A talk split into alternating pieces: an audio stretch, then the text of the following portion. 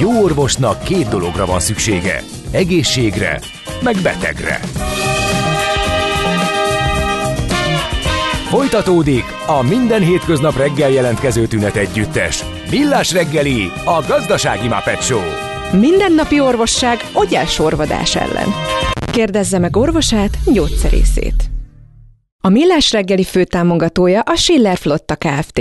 Schiller Flotta is rendtakár. A mobilitási megoldások szakértője a Schiller Autó tagja. Autók szeretettel. Szép jó reggelt kívánunk! Folytatódik a Millás reggeli 8 óra 8 perc, a pontos idő.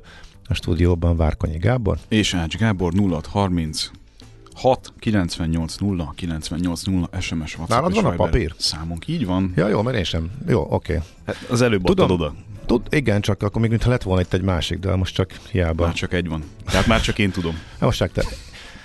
Tudom fejből, csak nem merem mondani, tudod, mert amit tudsz, azt is sokszor elrontod, úgyhogy sose lesz biztos magadban. Na jó, oké, ebben most nem megyünk bele. Mit írtak a hallgató? Azt mondja, az állampapírossal jött nekünk egy olyan fontos info, hogy az állampapír számlát sem lehet megörökölni, az örökösnek nyitnia kell egy saját számlát, amire az államkincstár átvezeti a megörökölt papírokat hagyatéki végzés alapján. Uh-huh. Jó, e, ez egy fontos rész információ. Engem ez érdekel, tényleg. Nyilván. Jó, de hát induljunk ki abból. Egyébként a zenei szerkesztésedet dicsérik. Tudom, hogy erre akartál rákérdezni. Azt én nem láttam. Azt, azt, azt én, én láttam. láttam. De hát ugye az egyik a te kérésed volt, eh, hogy a Harcosok klubjában szereplő Pixies dal, az, hogy kapcsolódott te az előző beszélgetéshez, nem, az, az véletlen volt, de örülünk, hogy De jó Örülünk, hogyha ráéreztél. Ha tetszett. Szóval érdekes, igen, az öröklés, meg hogyha mi, mi történik, hogyha bármelyik befektetésnél fölmerülhet ez a kérdés, hogy eh, közben elhalálozik a befektető, tehát ezt lehetne még sokáig ragozni, de tényleg ezt Pixiesre azt írták, hogy az olyan rossz, hogy már jó. Szerintem meg jó eleve. Szerintem is, de az egy külön kategória. De és mindenkinek máshol van nyilván, tehát az olyan rossz, mint, olyan rossz, hogy az már jó. Na, de most témát váltunk, itt vannak vendégeink a stúdióban, Ács Zoltán, az MKB Fintech Club ügyvezető, ügyvezetője, és most már aminek az apropóján végül is most beszélgetünk, a Magyar Fintech Szövetség elnöke, illetve Szeles Nóra, a MAFIS, elnökségi tagja és a Tőkeportál alapítója, illetve vezetője. Jó reggelt, sziasztok! Sziasztok! Jó reggelt! Jó reggelt, sziasztok! Elnök úr, gratulálunk! Köszönöm szépen! Hogyan működik itt a választás? A választás úgy működik, hogy néhány régóta aktív tag, illetve az elnökség megkeresett azzal, hogy fel kéne pesdíteni ezt a szövetséget, és egy építkezős fázis jön, és volt egy alapprobléma. Az alapprobléma az, hogy a legtöbb tag az fintech startupot csinál. És a fintech startup az azt jelenti, hogy külföldre e, próbálnak orientálódni már a kezdetektől. Ez egy hatalmas vállalás, egy hatalmas munka, nagy elfoglaltsággal jár, és még nincsen olyan szereplője a hazai fintech ökoszisztémának, aki azt mondaná, hogy én már megcsináltam a bizniszemet, már van egy milliárd dollár a számlámom, hát, és most már szeretnék visszaadni a közösséget. Vissza, igen, igen, igen. Ez, ilyen, ilyen most még nincsen. Én pedig és valahogy amíg, amíg lesz, én sem vagyok addig, az. Amíg lesz, addig, addig elvállaltad. Ad, amíg lesz, addig elvállaltam, így van. Én sem vagyok ez, én a kettő között vagyok, ugye az MKB Fintech Lab az egy banknak a leányvállalata, uh-huh. ezt vezetem, illetve a bankon belül is az innovációval foglalkozom, véletlenül éppen olyan szerepköröm is van, hogy a fintech cégekkel való kapcsolatokat szervezzem, ezeket a partnerségeket hozom össze. Ez a feladatköröm egyik része, illetve a Fintech Lab az 40 cégbe befektetett korai fázisban lévő fintek, főleg fintek cégekben, nem kizárólag, de főleg azokban. Tehát én ismerem ezt a közeget, eleve ökoszisztéma szervezőssel foglalkozik az MKB Fintech Lab, és akkor adta magát, hogy még egy építkezős fázis van, itt van egy erős csapat, mélyen részt vesz az ökoszisztéma szervezésbe, csináljunk erős tagságot, erős nemzetközi kapcsolatokat, építsük fel ezt a szövetséget úgy, hogy hatékony legyen, mutassuk meg a mhm. gazdasági erejét, mit ad egyébként más szektorokhoz. Miért fontos ez? Na mit csinált eddig akkor a szövetség, és akkor mi fog változni, miben lesz ez más? Eddig a szövetség a tagjait szervezte, ugye ahogy most elmondta Zoli is, tehát ez egy erőforrásokban viszonylag még szegény közeg, ami, azt, ami abból fakad, hogy a tagok el vannak foglalva a saját bizniszük fejlesztésével, és így a közöset, a közös érdekek képviseletre nagyon kevés mi, mi itt a közös, maradt. Mi itt a közös érdek, amit képviselnek? Például a szabályozás. Uh-huh. Szabályozási kérdések az egyik. Értik a döntéshozók ezt a Hát szakmát? azért hallottunk már olyat, ez nem most volt, pár évvel ezelőtt, kifejezetten az államigazgatásból, hogy a fintek egy úri huncutság. Ez, ez így konkrétan elhangzott. Szó ez nem az, igen, szó szerint. Ez egyébként nem az. A fintek az egy borzasztó egyszerű. Tehát, hogyha azt el akarjuk helyezni a térképen, hogy a, a financial technologies, azért definiáljuk mm. már, financial technologies, vagyis pénzügyi szektorban lévő technológiai vállalatokról van itt szó. Rengeteg válfaja van, tehát itt aztán nagyon sok fajta van neobankok, mint egy Revolut vagy egy N26, az is ide tartozik, ide tartozik faktoringgal foglalkozó fintech cég, ide tartozik például a közösségi finanszírozással, ugye Nora Equisica, ő alapította a tőkeportált, például az is ide tartozik, tehát sok-sok válfaja van, az egyik, hogy pénzügyekkel foglalkozik, és digitális vállalat. És ugye ez azért fontos, mert van egy alapvető problémája a magyar gazdaságnak, szerintem aki követi a sajtót, gazdasági sajtót, az pontosan tisztában van azzal, hogy a, az egyik potenciális gazdasági növekedést visszahúzó tényező az a KKV-knak a nagyon alacsony termelékenysége, még régiós szinten is. És ennek több oka van. Az egyik ok az az, hogy, hogy nem automatizálnak ezek a cégek, tehát nem, nem használnak digitális megoldásokat, részben azért, mert alacsonyak a munkabérek, és még egyszerű felvenni egy embert, mint, mint egy szoftvert megvásárolni, vagy robotokkal helyettesíteni, de ennek egy nagyobbik oka az, hogy nincs meg az a digitális érettség, hogy én tudjam, hogy milyen digitális megoldással tudok automatizálni. Na most rengeteg Tehát olyan... nem a forrás hiány a probléma? Nem, nem. Mert ez pont nem az a nagyon durván forrásigényes. Ez abszolút nem. Ez digitális érettség és kultúra uh-huh. inkább. Több, több ö, nehezítő tényező van, de én ezt gondolom nem a legfontosabb. Tehát egyáltalán a tudás, hogy mihez tudok nyúlni. Én egy kisvállalat vagyok, szeretném mértékesíteni webshopon a termékemet, akkor egyszerűen nem tudom azt, hogy milyen fintek megoldásokat tudok beleépíteni a webshopba, amitől nekem kisebb lesz a költségem, több ügyfelet érek el, egyszerűen csak termelék, hatékonyabb vagyok, és ezáltal termelékenyebb. Ebben a, a szeg, mondjuk az elkereskedelemben, mondjuk egy Csehország vagy egy Lengyelország mérföldekkel előttünk van érdekes módon. Kevés, kevés dolgokban vannak ennyire előttünk. Említettétek az előbb a szabályozás kérdését. Elég széles körű, a, hogy mondjam, szereplői gárdát írtatok most le. Első hallásra azt gondolnám, hogy azért a szabályozói kérdésben is eléggé eltérőek a, a, az érdekrendszerek. Ezt hogyan tudjátok összehangolni? Ez egyébként abszolút így van, tehát hogy nyilván Nóráiknak a, a közösségi finanszírozás egy más igénye merülhet fel, mint mondjuk egy fizetési szolgáltatónak. Tehát ez nem, nem ugyanarról beszélünk. De mégis meg lehet fogalmazni egy olyan csomagot, ami, ami előre vinné az egész szektort. És egyébként ezek az alkuk néhány országban megtörténtek egy ilyen 6-8 évvel ezelőtt, például Litvániában, szerettem ezt a példát mondani. Litvániában egyszerűen kormánytól függetlenül megvan az a konszenzus, hogy az egyik kiemelt stratégiai iparág, annak a finteknek kell lennie. Pici ország, még sokkal kisebb, mint mi, ezzel lehet kitörni, ezzel lehet, lehet előre menni, és megcsináltak egy olyan környezetet, amivel rengeteg cég egyébként litván licenzt szerzett, és még úgy, hogy nem is litván cég, még akkor is litván licenszel megy a nemzetközi piacon, mert egyszerűen jó a környezet. Ez egy tőkevonzó képessége. Megnőtt, oda mennek, ott adóznak, ott akarnak üzletet csinálni, mert a környezet szívesen látja őket. Így van, a Magyar Fintech Szövetség egyik missziója, hogy a, a, az iparági szereplők tudását egyrészt közössé formálja, az információk megosztását elősegítse, az érdekeket egyesítse, és így hatékonyan tudja ezeket kommunikálni és képviselni. Természetesen nem, a, nem azt gondoljuk, hogy holnaptól ez egy csodaszerűen megtörténik, hanem azt, hogy ez fokozatosan szolgálja az edukációt, és ez minden stakeholderre igaz, nem csak a retail felhasználóra, hanem az összes ez, ezen ökoszisztémában érdekelt, passzívan vagy aktívan résztvevő szereplőre, beleértve a szabályozókat is. Tehát az ökoszisztéma fogalma egy igen képlékeny dolog, rengeteg szereplője van, mindegyiknek eltérő szerepköre, érdekei, mindegyiknek más az informáltsági és a tudásszintje. Egy ilyen szövetség, ez lehet egy kohéziós pont, egy olyan szereplő, amely ezt szintetizálja és artikulálja. Mi az a terület, ami a legkevésbé van feltérképezve? Mert hogyha mondjuk kiindulunk ezekből a példákból a Baltikumból, azt gondolnám, hmm. hogy gyakorlatilag már majdnem mindenre van valami fajta megoldás hmm. vagy processz. Vagy van még olyan része, amin nagyon gyerekcipőben jár, és esetleg élére tudunk állni Magyarországon ebben a kérdésben? Én kiemelek egyet. Szerintem erről most a fintech világban lévőket megkérdezni, akkor, akkor különböző válaszokat kapnál. Én egy olyat emelek ki, ami szerintem marha izgalmas, ez a, ez a kripto, kriptovilágnak a szabályozása. Ugye megtörtént a brüsszeli szabályozás, a MIKA, ez, ez, ezt kibocsátották, így hívják, hogy, hogy MIKA, és ennek minden tagállamnak kötelező lesz ezt előbb-utóbb adaptálni a saját jogrendszerére. Erre létrejött a blockchain koalíció itt Magyarországon, és elkezdtek azon dolgozni, hogy legyen egy új eszközosztály, törvényről beszélünk, legyen egy új eszközosztálya, kriptoeszközök, direkt nem kriptovalutát mondok, kriptoeszközöket mondok. Mi a különbség? A valutával nem tudsz fizetni a boltba kenyeret venni. Csak vagy, hogy vagy hát, bocsánat, valutával tudsz, legyen. de a kriptóval nem Igen. tudsz. Még nem tudsz. Igen. Egy-egy helyen tud, sört tudsz venni valahol, de, de a, itt a sarki boltban nem fogsz tudni vásárolni bitcoinnal. És uh, inkább befektetési eszközöknek, uh, eszközosztálynak tekintik. Uh, szerintem egyébként helyesen. Egyelőre.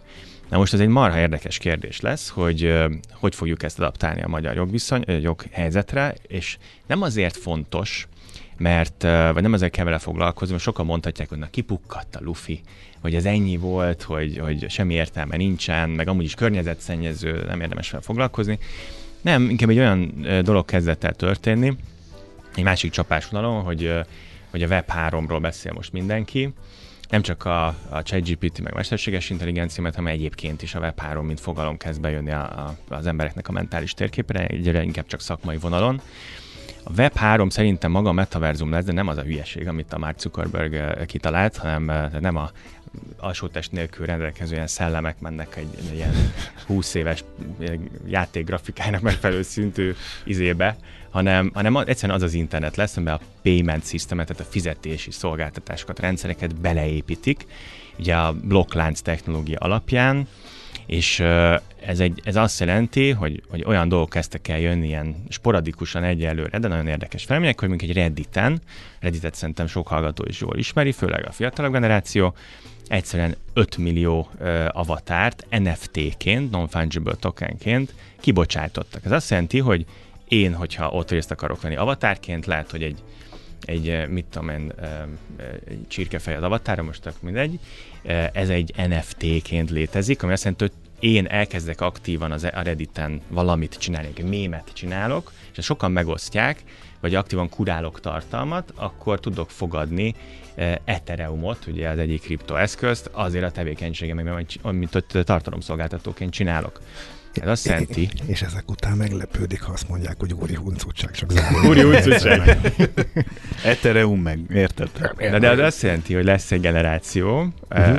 az E-generáció, akinek olyan természetes lesz, hogy lesz valamilyen tárcában Ethereum-a, vagy bármilyen másik kriptoeszköz, mint hogy Facebook profilja van mondjuk nekem, vagy egy, Aha, egy 40-es generáció. De a szabályozást nem, ők, nem ők írják per pillanat. De ez azt jelenti, hogy lesz egy kriptovilág, egy digitális térben egy decentralizált fizetési rendszer beleépítve abba az internetbe, ahol egy közösség nagyon aktív lesz, és vannak a fiat pénzek, ugye a, a dollár uh-huh. és, a, és a forint és a stb. és a kettő között egyre nem látszik a kapcsolat. Tehát, hogy, hogy, és egy, ez bank, a bank sem oldja meg egy, még ezt a kérdést, ez nem holnapi probléma, ez mondjuk 5-6 évvel ezelőtti pro, vagy későbbi probléma, de, készül, de ezzel kell foglalkozni. Erre. erre van a híres mém, hogy egy bitcoin egyenlő egy bitcoin. Igen. Oké, okay, Nóra szerepe érdekelne még, ugye megújult az elnökség és a Fintech szövetségben, mint új elnökségi tag. Te mit viszel be? Én nem új elnökségi tag vagyok, de ez tulajdonképpen részletkérdés, hanem ja, az akkor, egyik akkor alapító tag vagyok, amiben csak uh-huh. abban látom a szerepemet, ha már nőnap is ugye van, hogy uh, kellett egy kicsit a női szervezőerő, hogy ezt a sok okos pasit, akik mindig hajtogatják a magukét, rohadtul igazuk van, aztán nem történik semmi, tudod, egy kicsit Aha. összeszintetizálja, megértse, összehozza nem, a, nem tiltakozik, a, a feleket, úgyhogy így hoztuk létre a szövetséget ezelőtt néhány évvel, aztán természetesen a Covid Covid okozta kapcsolati tőke termelési képessége leállt ennek a szektornak, és egy kicsit lehet, hogy mindenki befelé fókuszált, és bár digitális ez a szektor, ennek ellenére nyilván a kapcsolatteremtési képesség, az alkalmak számának a csökkenése azért ezt nem segítette elő, úgyhogy most áll föl az az új elnökség, amely összeszedi ezek a tagok tagságot, és artikulálja az érdekeit a döntéshozók felé, és illetve az edukációs szerep, amit, amiről már volt itt szó, azt szeretnénk felerősíteni eseményeken és kommunikáción keresztül. Kicsit a tőkeportálról mondj néhány szót, légy szíves, A tőkeportál ahhoz képest, hogy most Zoli felvázolta rengeteg digitális kütyű, uh-huh. Ethereum, és aminek kezdem felismerni, hogy már én sem fogom érteni egy jó részét, ami eléggé vérfagyasztó. Ehhez képest egy rendkívül földhöz ragadt és rendkívül egyszerű dolog. Tehát nem ilyen bonyolult kriptókban és NFT-ben kell gondolkozni, hanem simán az általunk jól ismert részvénykibocsátásokban, és a közösségi finanszírozás, mint mindenhol szerte a világon, azt teszi lehetővé a digitalizáció segítségével, tehát hogy online sok kis befektető, sok kis tőkéje be tudjon áramolni egy-egy arra remélhetőleg érdemes startupba, szemben a többi úgynevezett alternatív vagy kockázati tőke típusú befektetéssel, ahol Marinéni, kedvenc Marinénink, ezt itt tudjátok, hogy a tőzsde történetből nem uh-huh. tud bekapogtatni a bármelyik ventures hogy nekem is van 50 ezer forintom, és szeretnék csatlakozni azokhoz a rendkívül cuki fiúkhoz ott a címlapon. Itt a közösségi finanszírozás ezt teszi lehetővé tulajdonképpen egy egyszerű webshopnak is hívhatjuk, amelyben projekteket árulunk. Ez kicsit bonyolult, mint a sárga póló uh-huh. árulás, és természetesen számos fogyasztó és befektetővédelmi aspektusa van szabályozás, most már szabályozott tevékenység, ami minket, mint tőkeportált egyébként erre a piacra hozott, ez a European Crowdfunding Service Providers Regulation, magyarul ECPR, amely most már hatályos, és amelynek ebben az évben meg kell felelni, és ezt követően a tőkeportál is csak szabályozott tevékenységet folytathat. Novemberben van az a határidő, ameddig meg kell szerezni minden európai közösségi finanszírozási szolgáltatónak ezt a tevékenységi engedélyt, amelyet azért érzek én, mint a tőkepiacon most már azért több évtizede aktív szereplő egy mérföldkőnek, mert ez az utolsó olyan befektetési eszközosztály, mármint a kriptó előtt, tehát az utolsó fizikai, avagy földhöz ragadt befektetési eszközosztály, a kezdő vállalkozásokban történő szabályozott befektetésekről van szó, amelyet a szabályozó leszabályoz. Tehát ennek van, egy, ez egy hatalmas lépés a tőkepiacik történetében. Az, hogy ennek a jelentőségét ma még a piaci szereplők és különösen ezen a fertájon nem szeretik felismerni, az azért van, mert most még ez egy pici piac. De hogyha arra visszagondolunk, hogy a, amikor a tőzsdei részvények váltak a kisbefektetők számára elérhetővé, ez sem volt mindig. Ezt a, az USA-ban a Lehman Brothers vívta ki, úgyhogy faluról faluról járva győzködte a lakosságot, hogy fektessenek részvényekbe, azután, hogy a szabályozás... Aztán mégis mi lett velük mondaná utólag? Jó, igen, igen, ez, ezen ez egy másik kérdés. Kell, akkor kellett volna megmenteni az emberiséget uh-huh. ettől, de minden esetre ez ugye végbe ment, és ez hatalmas iparágán nőttek ki magát, és ma már elválaszthatatlan része a mindennapoknak. Tehát az sem jött létre gomnyomásra, a, a tőzsdei fázisú rész uh-huh. vállalkozásokba történő befektetés lehetősége. Én azt gondolom, hogy a következő tíz évben hatalmas fejlődésen fog átmenni ez a Néhány piac. példát még mondjatok, néhány Sik- jó, pont, jó példát, pont, igen. Pont Akár... ezt akartam mondani, hogy, mm-hmm. hogy talán emlék, példát, a, emlékszik arra a hallgatók jó részt, meg talán ti is, hogy a Covid-ban voltak ilyen hírek, hogy volt kedvenc kézműves sörözője eh, sokaknak, de ez pici a kézműves söröző, a kézműves sör, tehát pici darabszámba készül, és ezek főleg ugye szórakozó helyeken, ugye ez a horeka, eh, hotelek, szórakozó kávézók, stb. itt mennek, nem pedig a a hipermarketekbe. Ezek bezártak a Covid-dal, és uh, csőd közelbe került nagyon sok kézműves söröző. És akkor Angliában nagyon sok olyan dolog történt, hogy ezek a közösségi finanszírozó oldalak mentették meg. Gyakorlatilag mert kedvenc sörömből tudtam vásárolni részvény gyakorlatilag és így akkor tulajdonosa is lettem. Tehát ezek nagyon jó történetek, hogy amihez ragaszkodom, tehát hogy van egyszer egy olyan része, hogy megfinanszírozom magamat, és mm. túlélek, és fejlesztek, meg egy olyan része is van, hogy... Impact, úgy hívják, um, divatos szóval. Társadalmi hatása van, így van, tehát, van. hogy azt finanszírozod, amiről azt akarod, hogy legyen. És természetesen profitábilisnak kell annak lennie előbb-utóbb, de nem feltétlenül azért fektetsz be kis összeget egy közösségi uh-huh. finanszírozási platformon keresztül, mert azt gondolod, hogy az lesz a következő Facebook, hanem azért, mert azt akarod, hogy amikor Szeretném, majd a gyereked iskolába jár, akkor majd választhasson abból az ettek szolgáltatásból, amit az kínál. Meg legyen az a sör. Meg legyen az a sör, igen. Is legyen. És ebben van, a fintech szerepe az, hogy ez sokkal könnyebbé teszi? Így van. Ez ilyen szempontból egy egyszerű technológia, tehát nem, ezek, nem, nem kell bonyolult folyamatokat elképzelni, vagy érthetetlen fogalmakat. De hogyha azt mondod, hogy jó példa, én azt vágnám gyorsan rá, hogy a Revolut és a Monzo is így indult, és még jó uh-huh. néhány más fintech szolgáltatás. Tehát a, a fintechek és számára... Kicsiben, kicsiben állatok? Itt közösségi is finanszírozás? Igen, most zárta például a kampányát a Crystal, egy insurtech szolgáltató, uh-huh. amely a, a Crowd-tól 70 millió forintot tudott bevonni, de a kampányán keresztül elérte a, azokat az intézményi befektetőket is, illetve meggyőzte a korábbi befektetőit is, hogy itt még érdemes tovább lépni, és a korábbi intézményi befektetői a kampány hatására fektettek még be további 100 millió. Tehát ilyen hatása is van. A... Így van. Tehát uh-huh. Közösségi finanszírozásnak. Egy, egy mondatot, hogyha ehhez még hozzáfűzhetek, hogy azért tartjuk, nem itt Magyarországon, mármint ezt nem mi találtuk ki, hanem ez egy nemzetközi best practice, hogy azért nagyon hatékony forrásbevonási mód, mert egyrészt a meglévő felhasználóitól is kérhetsz erre pénzt, hogy te volt a kedvenc márkádba be fogsz fektetni, és uh-huh. hogyha befektetél a kedvenc márkádba, és ha már sör, akkor hadd említsem a fehér nyulat, mint jó példát, igen, ami igen. szintén élt ezzel a lehetőséggel, és 120 millió forint tőkét vont be. Egyrészt a valószínűleg a saját törzsközönségétől, amelyik től elvárható a kötődés csak nő. nő. Tehát a márka érték az nő. és a márka között. Így van, Igen, és szívesebben adnak egy menő általuk is kedvelt márkának, cégnek. Igen, de arról beszéltünk ma reggel Zolival, hogy a, a Fintech Szövetség előadás sorozatot fog szervezni, elsősorban a tagságának, ilyen business breakfast jelleggel, és az egyik első kieme, kiszemelt vendég a, a Revolutnak a hazai képviselője. A Revolut minden fórumon elmondja, az alapítóit a kezdve, hogy crowdfunding nélkül ők se tudtak volna elindulni. Így van, így van. És utána meg folytatjuk ezt, tehát a, a Neobank után fog jönni a többi, a BNPL, ugye ez most a kell mondani egy olyan trendet, hogy 2020, 2021, 2022 legforró fintech trendje az mindenképpen a halasztott fizetés. Tehát amikor nagyon egyszerű, van ennek egy, egy ügyfél oldala, meg az egy új modern hitelkártya.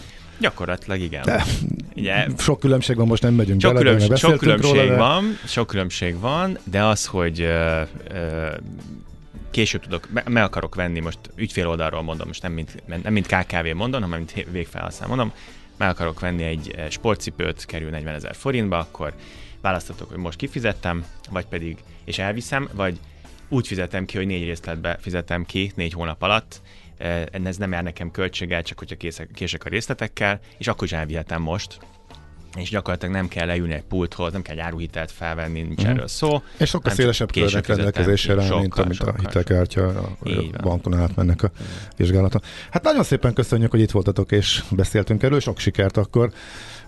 majd beszámolunk róla, megkérdezzük, hogy az eredmények jönnek-e, amiket most kitűztetek így a Fintech Szövetség elnökségeinek a megújítása, meg ugye az új elnök választ, megválasztása kapcsán, és az elnök, tehát az, M, az MKB Fintech Club ügyvezetője, és mostantól a Magyar Fintech Szövetség elnök Ács Zoltán volt az egyik vendégünk, illetve Szenes Nórával beszélgettünk, aki a Fintech Szövetség elnökségi tagjaként, illetve a Tőkeportál alapítójaként, vezetőjeként volt itt nálunk a Millás reggeliben. Köszönjük szépen még Köszönjük, egyszer. Köszönjük szépen. Köszönjük Most pedig jönnek a rövid hírek ismét. Az ország egy kórház, és nem tudod, ápolt vagy, vagy ápoló. Millás reggeli. Jé, hát ez meg micsoda? Csak nem. De, egy aranyköpés. Napi bölcsesség a Millás reggeliben. Hm, ezt elteszem magamnak. Na, kitől idézünk ma? Említettük már a születésnaposok között, hogy Többek között eh, Lovász László, matematikus egyetemi tanár, a Magyar Tudományos Akadémia volt elnöke is ünnepel, egészen pontosan a 75. születésnapját, úgyhogy tőle idézünk most az interneten, mindent meg lehet találni, és mindennek az ellenkezőjét is. Ami kétségkívül így van. Ennek az ellenkezőjét és hát, is. És hát igen, és annak is mi pont próbálunk egyféle internetet Eligazítást nem, azt nem, eligazítást nyújtani. Sokszor nehéz egyébként megkülönböztetni ott a valóságot, a hülyeségből fakadó nem valóságot, illetve a tudatosan terjesztett eh, nem való, valósághoz közel nincs eh, a dolgokat. Hát mi mondjuk pont ebben is próbálunk eh, segíteni, hogy a valóságot jobban lássuk. Hát vagy legalábbis több szeretét lássuk. több szeretét, igen, azt is reméljük valamennyire sikerül.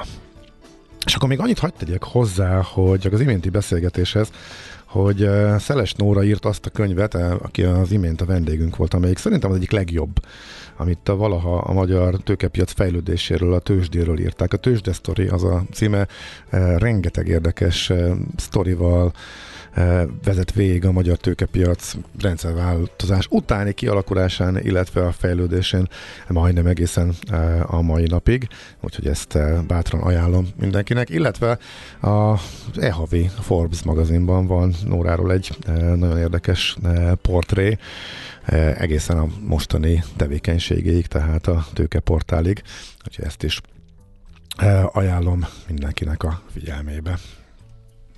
A műszer neked egy fal, a garázs egy szentély. A sebről a váltó jut az eszedbe. Zavar, ha valaki ellel mondja a rükvercet? Akkor neked való a futómű, a millás reggeli autóipari rovata. Hírek, eladások, új modellek, autós élet. Kressz. Hát, kolléga úr, mivel készült már? Két témával, kérlek szépen. Egyfelől nagyon az érdekes. első nem tetszik. Köszönöm, akkor ugorjunk egyből a másodikra. Na, Vagy nem, kezdjük előről. Nem, megígérem, nem trollkodom menni jobban szét. Az a baj, hogy nem tudok neked visszavágni, mert nem ma van a fapados rovat. Sosem osztunk be. Most már akkor tudom, hogy pénteken, péntekre véletlenül sem. Pedig volt már rá. Volt, volt, már példa, volt, volt, volt. És emlékszem is. Emlékszem sikeresen is. trollkodtam Emlékszem szét. is, hogy milyen volt, úgyhogy most megkíméljük magunkat ettől. Szóval ott tartunk, hogy elhalasztották a szavazást a 2035-ös belső égésű tiltásról. Ugye múlt héten a repülőgépről bejelentkezve erről beszélgettem egy picit. Mert akkor, akkor még arról, hogy egyáltalán... Hogy ez keddel meg fog történni. Uh-huh. Így van, és akkor röviddel utána a ha minden igaz, akkor a németek kérték, hogy ez egyenlőre legyen halasztva. De ők javasolták az egészet? A német szabaddemokraták. Aha. Akik a, ez a nem mindegy. Akik a német közlekedési minisztert adják, ugye a, a hármas koalícióból álló kormányba, és ugye a zöldek meg kifejezetten e, tombolnak, hogy akkor ez már egy tulajdonképpen végig tárgyalt és elfogadott ügy volt, és miért kell itt az utolsó pillanatban fölborítani mindent. Tehát ez egy magánakció volt? Nem egyeztettek a partnerek egymás között? Én teljesen őszintén próbálok különböző német politikai folyóiratokból, meg a politikóból, meg innen-onnan információt szerezni arról, hogy mi történt itt Németországban, hogy hirtelen fényt kaptak. Néhány nappal azután, bocsánat, néhány nappal azelőtt, hogy itt végső szavazásra került volna ez a dolog, tehát hogy ezt miért nem az előző három-négy évben csinálták, ez számomra teljesen értetetlen, vagy hogy mitől bátorodtak most föl hirtelen nagyon-nagyon furcsa. Az biztos, hogy arról több helyen írnak, hogy Németország színvallásával több kisebb ország, amely erősen ugye autóipar kitettséggel rendelkezik, felsorakozhat a, a tiltakozás mögé. És akkor viszont egyértelműen el fogják kaszálni ezt a 2035-ös ügyet. Na, hogy is van, mennyi szavazat kell ehhez, vagy hogy hogy áll össze, mi múlik ez, hogy elkaszálják-e? A, azt hiszem, hogy a 65%-a, hogyha nincs meg a támogatásnak, tehát a lakosság 65%-át képviselő országoknak, vagy valami ilyesmi, nem tudom, De mi most a pontos mi, a, szavazás. mi az alapfelállás? Ezt már eldöntötték. Az alapfelállás az az, hogy az olaszok, a bolgárok és a lengyelek nem támogatják, és hogyha a Németország hozzájuk csapódik, akkor nincs meg az a többség, ami elég lenne ahhoz, hogy az átmenjen.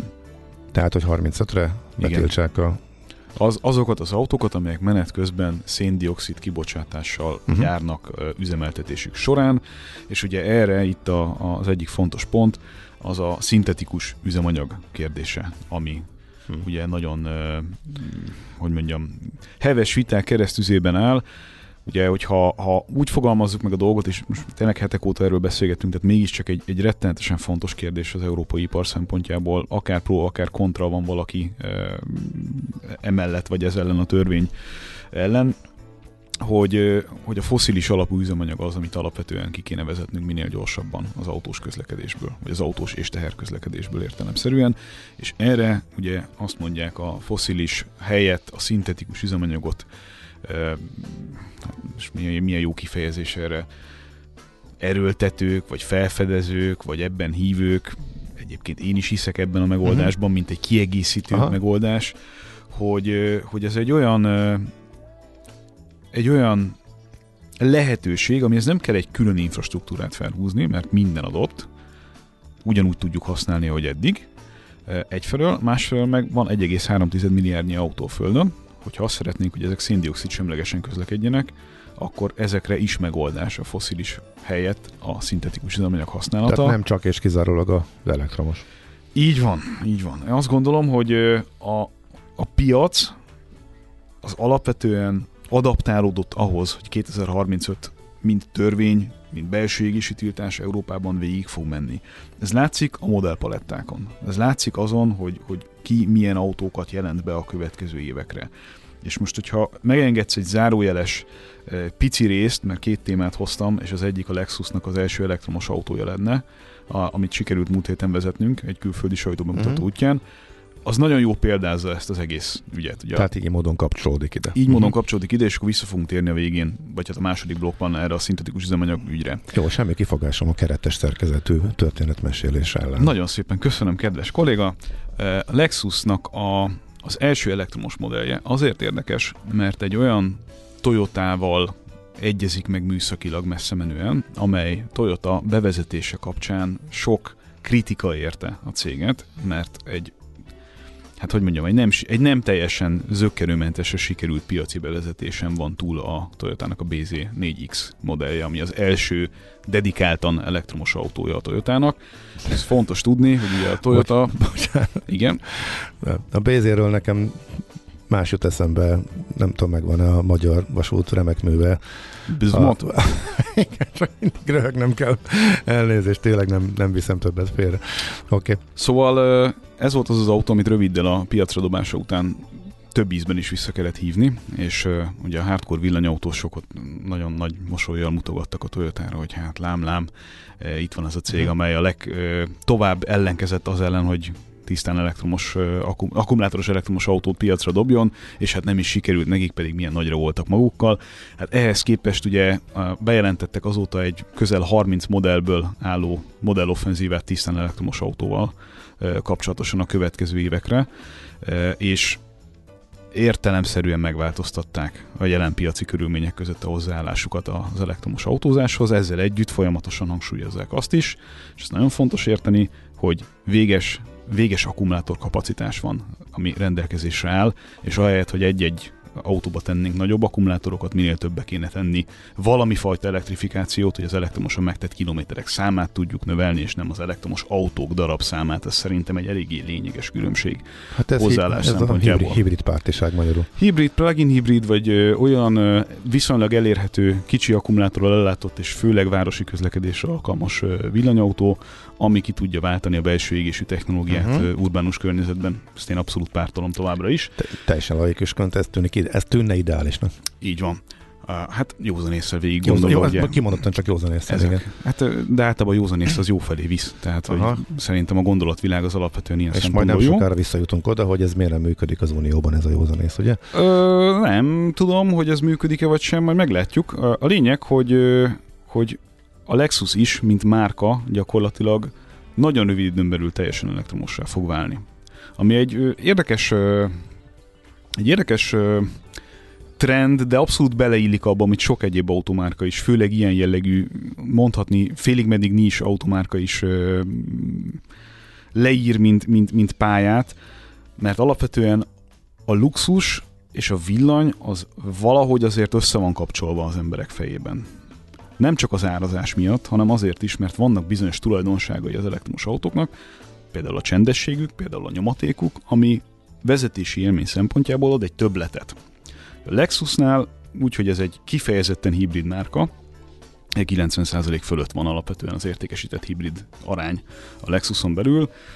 A, a Toyota hajtáslánca hibridben mondjuk egy más típusú prémium autóhoz képest egy Lexusban nem minden esetben adja ugyanazt az élményt, amit mondjuk a konkurencia tud adni prémium szegmensben is. Azért volt nagyon érdekes a tisztán elektromos Lexus kipróbálása, mert pont azokat a dolgokat csinálja sokkal jobban, amiket én alapvetően nem szeretek a hibrid autókban, a, a, a klasszikus hibrid autókban. Tehát itt volt egy olyan modell, ami egy nagyon érett, nagyon jól összerakott, nagyon jól vezethető autó, és a nagyon jó vezethetőség az nem az első között említendő eh, dolog általában, ami egy Lexusról eszembe jut. A jó minőség, a jó viszonteladhatóság, a takarékosság, Az mind, az ezek mind, azok a igen. dolgok, Mhm. amiket így azonnal asszociálva összekötsz egy ilyen márkával, de az nem feltétlenül hogy jó vezetni. És Hát a Toy- Toy- Toyotára is igaz lényegében. igen, ugye a kicsit nyúlós hibridek, amiket megszoktunk az előző ö, 10-20 évben, a picit furcsa hangkulissza, ezek a dolgok, ezek ugye itt nincsenek, van viszont az azonnali nyomaték, van az alacsony súlypont, meg van a jó vezethetőség ezekből fakadóan, ami egy, egy nagyon meghatározó eleme volt ennek a konkrét autónak, ami a BZ4X-hez képest egy kifejezetten inkább vezetési dinamikára kiegyezett SUV jellegű autó. És ami nagyon izgalmas, hogy és ez az, a, ez az igazi apropója annak, hogy miért akartam erről beszélni, mert villanysúv az van egy halom, és ritkán szoktam konkrét autókról Mhm. mm. beszélni. Viszont ebben az autóban volt lehetőségünk kipróbálni egymás után a klasszikus kormányzást, és az úgynevezett, ugye ez a jók jellegű, ugye felül-alul nem létező kormánykarimárium, amit csak így megfogsz, mint a Night Riderben típusú kormányt. Miért ebben olyan van? 2025-től ez rendelhető extra lesz ebben az autóban, addigra fognak lezárulni a homologizációs e, dolgok, Na mert mit? hogy Na mit tud a Night Rider kormány? Hát az az érdekes benne, hogy nem az kormány alakja, az önmagában ugye csak egy marketing gag lenne, hogy elhagyjuk a kormány alját meg a tetejét. Ez lesz az első olyan autó, amelyben nincs olyan fizikai értelembe vett redundancia rendszer, ami a kormány nem összekötéséből, tehát elektronikus impulzusokkal történő kormányzásból fakadóan általában egyébként még kellett olyan autóknál, ahol nem volt összekötve a kormány a kormányzott kerekekkel. Na, Na, most ezt ezt most, ezt most jól nem, ezt most elmagyarázva. nem értem. előről az egészet, ugye. Az Infinity volt az egyik első olyan autó, amelynél a kormány az gyakorlatilag elektronikus impulzusokkal működött. Tehát nem volt fizikai értelemben folyamatosan összekötve. Pontosabban nem az összekötöttség adta Uh-huh. a, a kormányzást, hanem te kvázi, mint egy játékkonzol kormányjal kormányoztad az autót. Ó, Nagyon egyszerűen. de jó. Ezt sem, ezt sem tudtam. De ott még kellett egy fizikai redundancia gyakorlatilag. Tehát volt Az benne... mi? Hát Ha volt van, benne... vagy, vagy van húzal, vagy nincs. Nem, volt benne kormányoszlop. Kellett, hogy legyen. Uh-huh. És a Toyotának, pontosabban a Lexusnak ez a modellje lesz az első olyan autó, amiben szintén van egy ilyen sokszoros biztonsági kör, de semmilyen fizikai összekötés nincs a kormány és a kormányzott kerekek között. És ezzel ugye egy nagyon érdekes dolgot is létre lehet hozni, a folyamatosan változó áttételt. Változó áttételű kormányzás az volt már régóta más autókban is, de itt tényleg ezek az ilyen nagyon pici mozdulatukkal történő ko- kormány eh, impulzusok azok, amik egy teljesen más vezetési élményt adnak. Hogy ez jó vagy nem jó, megszokás kérdése, de kifejezetten sportossá válik tőle az autó, mert ugye a folyamatosan áttét, változó áttétel miatt alacsony sebességnél, parkolás közben No, de gyakorlatilag... édes fiam, elromlik a számítógép, akkor én automatikusan összetöröm a verdát, kérdezi Béla bácsi. Mert ez a lényeg, hogy van benne egy többszörös biztonsági redundancia. Tehát két, gyak, minimum két körösnek mondható a, a dolog. Tehát nem, nem tud, külön, külön energiaellátással, külön mindennel működik a kormányzás része. De nyilván mire ezt így végig tesztelik, még mire ez így végigmegy, szabályozói szinten eltelik még egy pár év. Uh-huh. De kapni lehet majd, és így egymás után vezetve a két autót, tehát a két megoldással rendelkező ugyanolyan autót, az egy nagyon-nagyon más vezetési élményt jelentett a gyakorlatban a Lexusnak a, a kormányzás megoldása, De hogy, kormányzás de, hogy megoldása. na, mes, de mivel jobb a joystick? Nem joystick, basszus. Rendes kormány, mint a Night Riderben, nem joystick. Mert egyébként volt, 2000-es évek elején volt joystickos megoldás is mm. bizonyos tanulmányautókon, annak az értelmét mondjuk én nem annyira értettem. Mm. Miért jobb? Mert hát először is kell egy kicsi megszokás, mert ugye nagyon direkt módon reagál az autó. Tehát alig kell mozgatnod, és... És azonnal fordul. Aha. Ez ugye első körben, hogyha ha szűk parkolóban akarsz mondjuk kifordulni, simán járat azzal, hogy lehúzod a fél oldalát az autónak, mert nem számítasz arra, hogy Aha. már ott van az autó, ahol, ahol te gyakorlatilag elképzelted, hogy, Ja. hogy Ne teszed. parkolj a közelembe egy ilyennel, légy szíves. De gyorsan, gyorsan megérted és megszokod, és kifejezetten Mhm. szerethető a, a dolog. Azt még hozzá kell tenni, hogy érdekes módon ebbe az autóba sem egy különösebben nagy akkumulátort raktak. Egy körülbelül 71 kWh akkumulátor, az nem számít olyan rettenetesen nagynak, és pont itt is ugyanaz került hangsúlyozásra a Lexus részéről, ami általában az egész cég részéről eh, hangsúlyozandó, hogy a feleslegesen nagy akkumulátor feleslegesen nagy súlyt jelent, eh, fogyasztást negatív értelemben eh, befolyásolja szerintük, eh, és eh, nem fenntartható, tehát hogy ennél nagyobb akkumulátort ők nem nagyon akarnak belerakni a szériai autóikba, ami ugye gyakorlatban azt jelenti, hogy ha nagyon takarékosan közlekedsz, akkor így Hát ők 18 kWh fogyasztást adnak meg, azt szerintem nagyon-nagyon optimista, inkább a 20... Hatótávot majd légy szíves. 300 km szerintem a realitás nagyjából ennél is.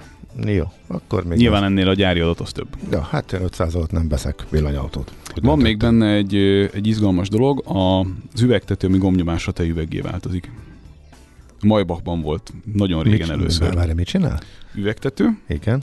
és gomnyomásra tejüveg lesz belőle, átláthatatlan. Ó, de, Tehát nem kell sötétítő de gyakorlatilag. az hogyan? A, ez milyen? Van benne egy technika? folyadék, ami ugye elektromosságra reagálva megváltoztatja magát. Meg, meg. Folyamatosan az úri huncutság jut eszembe ezekről is. Na, jó, oké, értem. Mod- Modern technológia végül is. Bizony. Na de akkor hogy kanyarodunk ezzel vissza a villanyautók kitiltásáig, nem, tilt, nem kitiltásáig? Ebben a blogban mennyi időnk van még erre?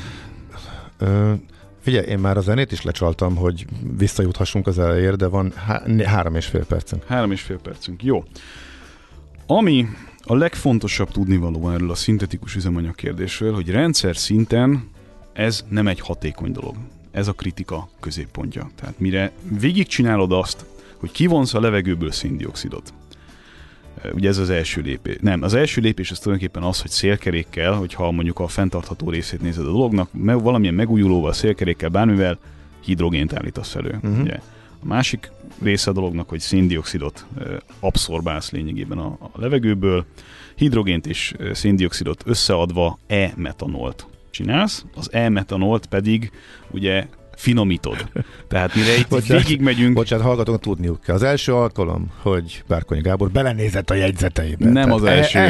Nem az ehhez első. Kellett, ehhez kellett némi segítség, csak hogy a hallgatók. ennyire, hát nehogy, nehogy véletlen valamelyik lépést összekeverjen valamelyikkel, de nem az szóval első. a kémia óra azért ott még ott nem árt, hogyha van egy kis. Oké. Hát mi köze van ennek az autózáshoz? Így van. Érted? Tehát az egész rendszer, hogyha a well-to-wheel szinten nézed, ugye ez az a kifejezés, hogy lényegében az energia hatékony használata hogyan néz ki a, a nap végén, tehát mire hajtani fogod a kereket, hogyan nézünk ki, az 15 százalék. Az nagyon-nagyon alacsony. Miközben egy, ugye egy villany autózás esetében a 70-80 százalékot mondják, mert hogy ugye ott azt úgy nézik, vagy úgy, úgy értelmezik, hogy lényegében az energia azonnal az autó hajtásában hasznosul. És itt jön az a pont, ahol elkezdünk vitatkozni egymással különböző ö, oldalakat képviselő emberekkel, mert hogy én annak a felfogásnak a pártján vagyok, hogy alapvetően nem energiából van kevés a világon, hanem könnyen tárolható energiából. És a szintetikus üzemanyag mellett kardoskodóknak a legfőbb érve az, hogy A. van egy kiépített infrastruktúránk, B. nagyon-nagyon könnyen szállítható, ugyanolyan könnyen szállítható, magas energiasűrűséggel rendelkező energiahordozó, ahogyan ezt eddig ugye megszokhattuk a benzin vagy a dízel kapcsán. És szerintem fontos hangsúlyozni, hogy senki nem azt mondja, hogy itt most álljunk meg az elektrifikációval, vagy fordítsuk vissza ezt a folyamatot, vagy csináljuk máshogy. Én azt gondolom, hogy ha piaci alapra helyezve nézzük a dolgot, akkor is a villanyautózás ezzel a belendített állapottal, amiben most vagyunk, így is úgy is eléri a 60-70-80 százalékot. Vagy lehet, hogy még fölötte is. És Legyen. ez jól is van. Rendben, i- rendben is Mhm. van, rendben is van. Csak vannak bizonyos felhasználási területek, amelyekre egyébként adott, még egyszer mondom, minden felhasználási feltétel, lásd infrastruktúra, és hosszú távú közlekedés kapcsán egy széndiokszid semleges megoldás tud lenni a meglévő állományra is, meg a jövőbeli Mhm. állományra is.